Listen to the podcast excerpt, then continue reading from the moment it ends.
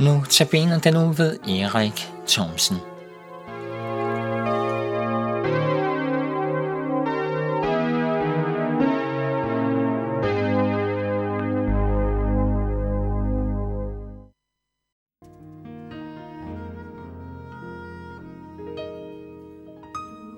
Stood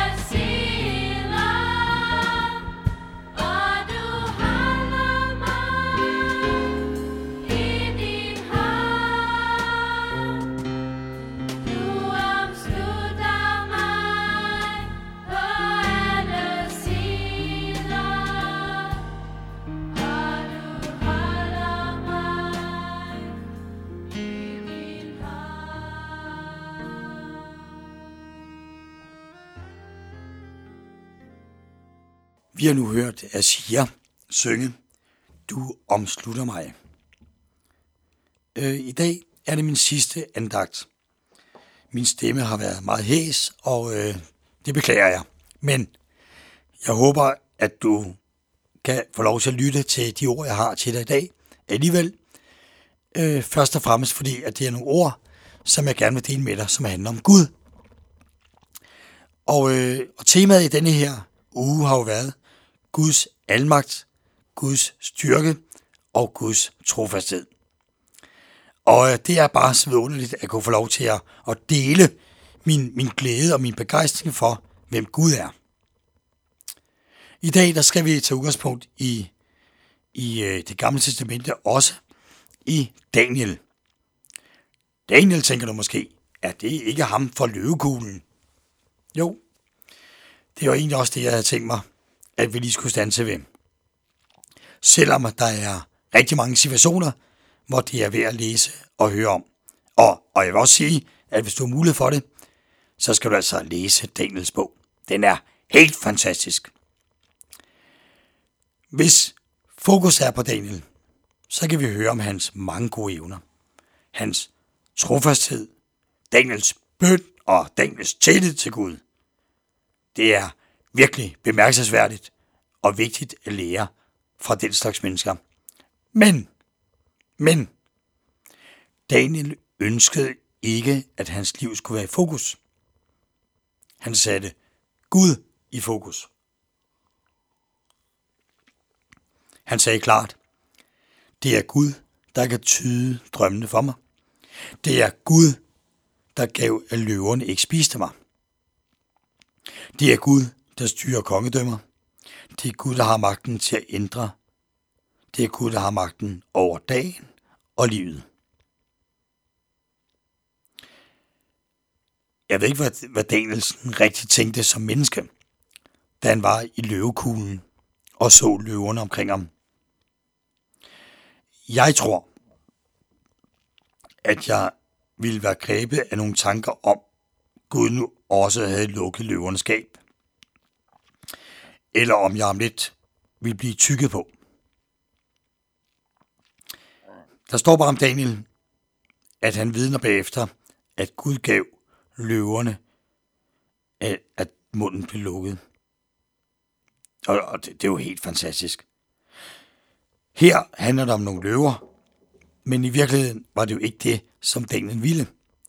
Daniel ville dybest set fortælle om, at Gud handler på forskellige vis. Og der gjorde han det selv med at lukke løverskab. På andre områder, og til stadighed gør Gud det på forunderlig vis. Vi har denne uge hørt om, hvordan han giver mad, hvordan han giver tryghed, hvile, fred, glæde, håb, hvordan Gud sender ild.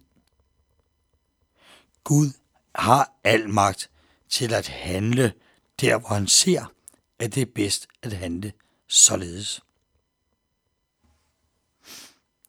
Vores kræfter og vores forstand, ja vores tro, er yderst begrænset, mangelfuld. Det er så slet ikke til over for de virkelig store ting i livet. Men ved du hvad? Jeg har også ønsket i denne her uge, at, at der skulle være fokus på, på Guds almagt. At Gud kan handle. Og det er jo lige præcis det modsatte af vores fortvivlelse.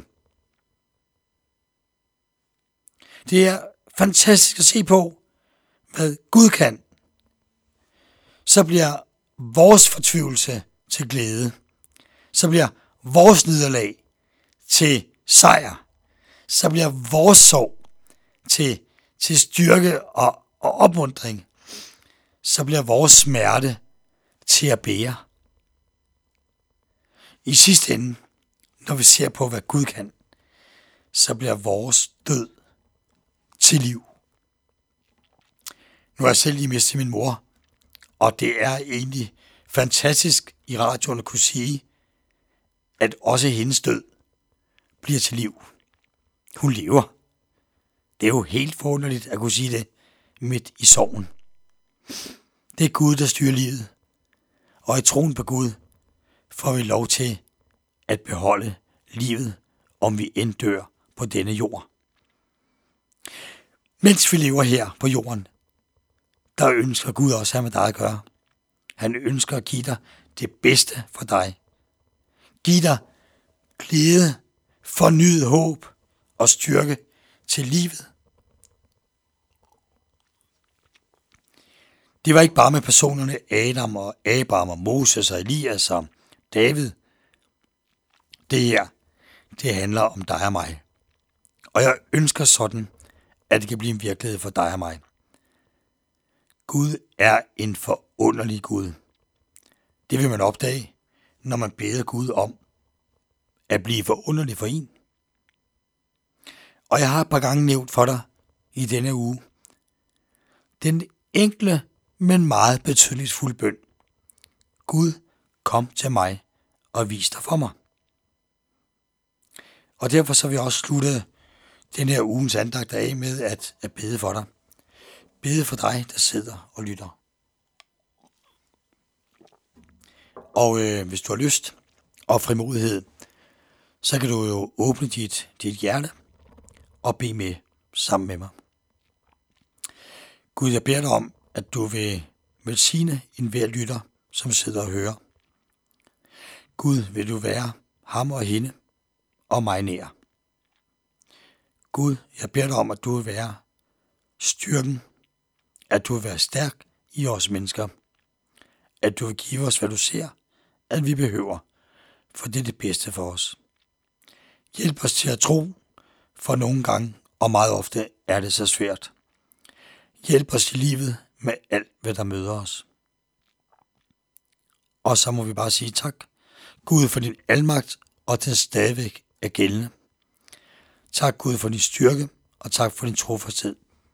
Om så alt andet vakler omkring os, så svigter du aldrig. Jeg beder dig om, at du vil være med en hver lytter og velsigne dem i livet med dig. Amen. Og så skal vi høre, ingen er så tryg i fare med sine valgsø. Tak for den gang.